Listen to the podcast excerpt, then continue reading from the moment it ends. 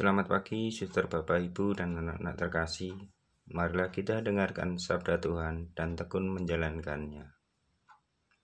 Demi nama Bapa dan Putra dan Roh Kudus. Amin.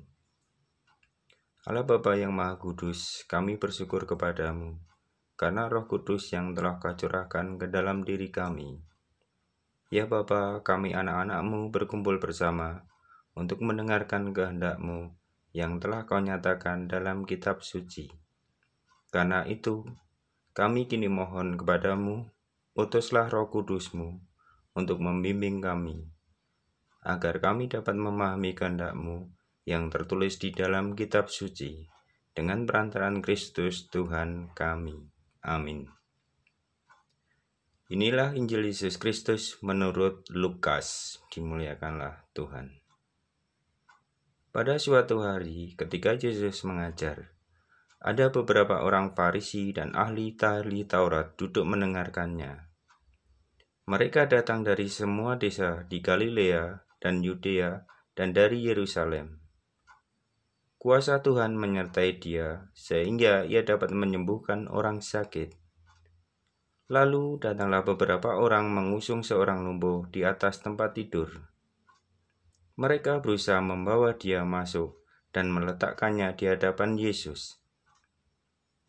Karena mereka tidak dapat membawa masuk, berhubung dengan banyaknya orang di situ, naiklah mereka ke atap rumah, lalu membongkar atap itu dan menurunkan orang itu dengan tepat tidurnya di tengah-tengah orang banyak tepat di depan Yesus.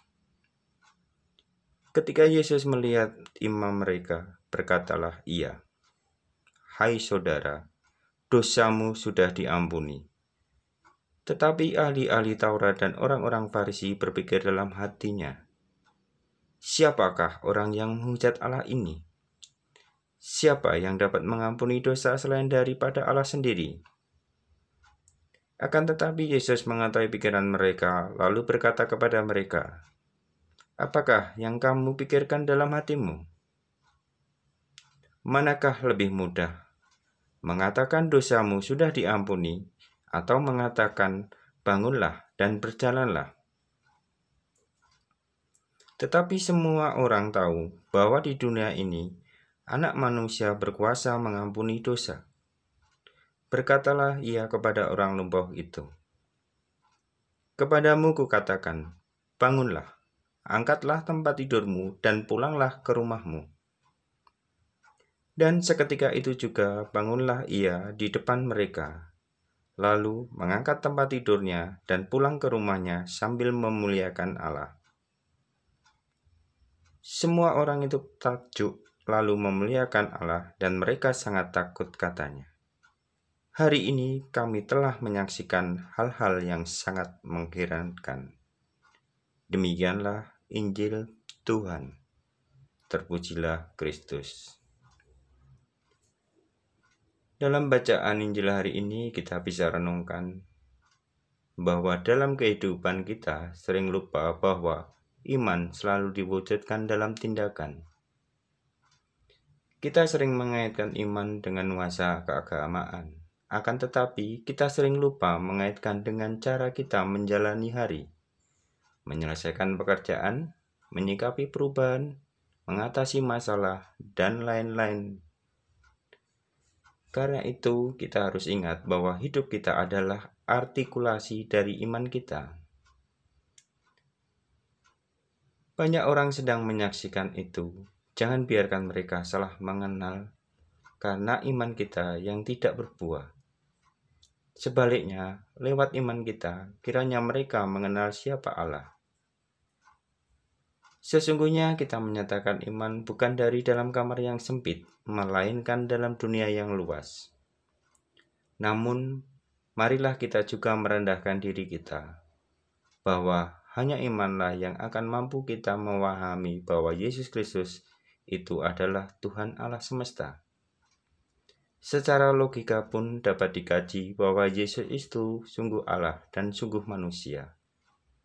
Oleh karena itu, Yesus tidak hanya punya kuasa untuk mengampuni dosa, tetapi juga punya kuasa untuk menyembuhkan segala penyakit. dan ini sudah terbukti dari seluruh kitab suci. Perjuangan si lumpuh agar disembuhkan memberikan pelajaran kepada hidup kita bahwa hidup itu adalah sebuah perjuangan. Kita tidak bisa serta-merta hidup instan. Kalau ingin menjadi kaya, ya harus bekerja keras. Kalau kita ingin menjadi pintar, ya harus belajar. Demikian pula jika kita ingin hidup dalam kekudusan, ya kita harus mengikuti ajaran Yesus. Bagaimana mencapai kekudusan hidup ini? Semuanya harus melalui sebuah perjuangan yang keras. Yesus sendiri pernah mengatakan, "Berjuanglah melalui jalan yang sempit itu untuk memasuki kerajaan surga." Lagi-lagi ada penekanan bahwa segala sesuatu yang kita hasilkan harus melalui suatu usaha yang keras. Iman si lumpuh memberikan inspirasi tentang hal ini. Demikianlah renungan singkat hari ini. Tuhan memberkati kita semua. Marilah kita berdoa. Ya Tuhan, ajarilah kami untuk selalu membangun kerukunan di dalam lingkungan kami Semoga kami berani untuk mengenal sesama anggota lingkungan dan berani untuk saling peduli. Ajarilah kami agar kami mampu menjadi bagian dari orang-orang lumpuh di sekitar kami. Tuhan, bantulah kami untuk berani melangkah dan tabahkan imanku melalui Yesus Kristus, Tuhan dan Juru Selamatku. Amin. Demi nama Bapa dan Putra dan Roh Kudus. Amin.